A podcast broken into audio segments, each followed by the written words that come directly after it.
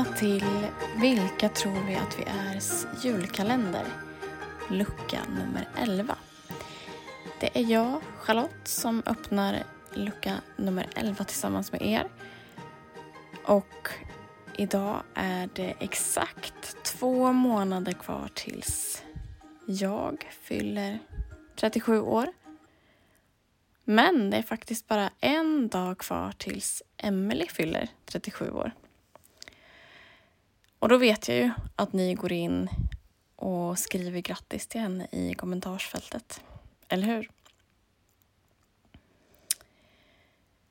Eh, det är ju så här att på den korta tiden som jag har känt Emily nu, eller som jag håller på att lära känna Emily, så vet jag att Emily inte är en gladare person än någon annan.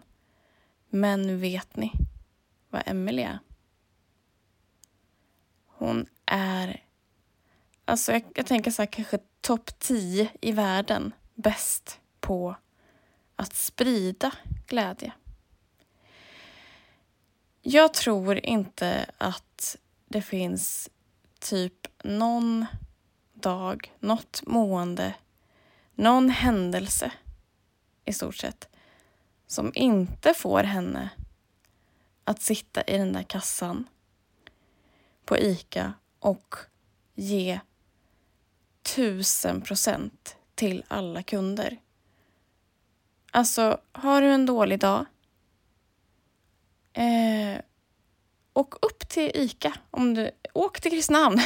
åk till ICA. Eh, och handla en liter havremjölk. Så att du får se det här bländande leendet. Jag lovar att det kommer lysa upp din dag.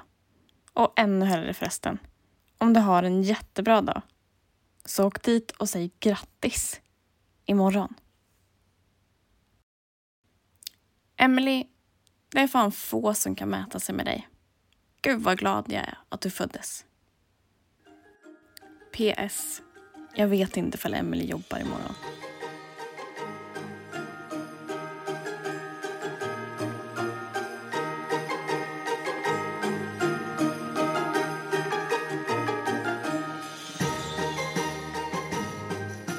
Häromdagen var jag och några kompisar ute och eh, vi var ute och åkte. Och då kom vi till en gata där det stod eh, otroligt många bilar parkerade i, på båda sidorna. Liksom. Det var fullt med bilar överallt. Och det var också mötande bilar, så det var otroligt svårt att mötas för det var en väldigt smal gata redan från början.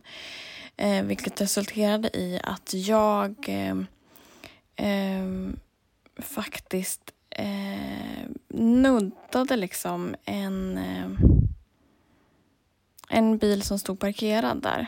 Så jag liksom gned mig emot den bilen. Eh, och eh, när vi uppmärksammade det här så blev alla i bilen väldigt skärrade då, som man ju såklart blir.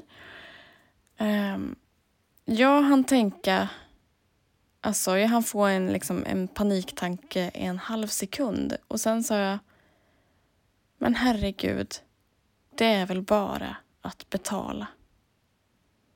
I så fall.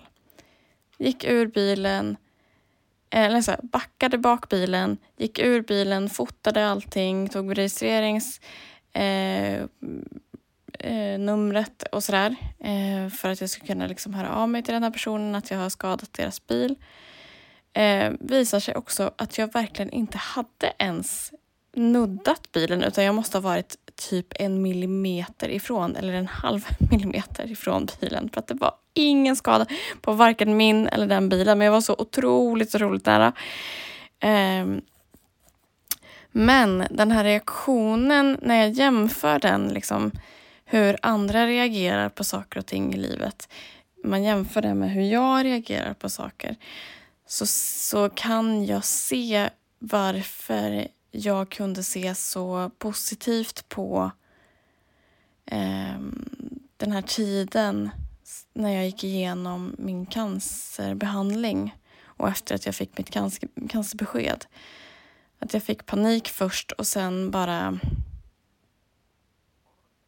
lösningsorienterad. Hur ska jag göra nu? Det har liksom inte funnits utrymme att drabbas av panik i mitt liv. Och jag ska absolut inte säga att eh, jag aldrig drabbas av panik. För att det gör jag. Jag har ju min akilleshäl eh, som jag absolut inte hanterar bra.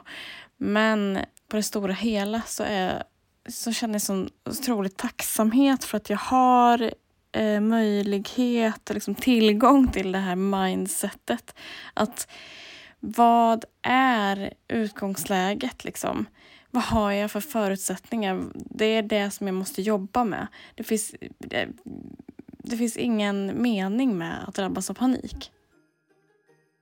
Och om jag fick välja helt och hållet en julklapp som jag kunde få dela ut till alla som lider av ångest och paniksyndrom. Då skulle det vara att få dela med mig av just det mindsetet. Det var allt från mig idag. Men vi hörs imorgon igen. Hej då!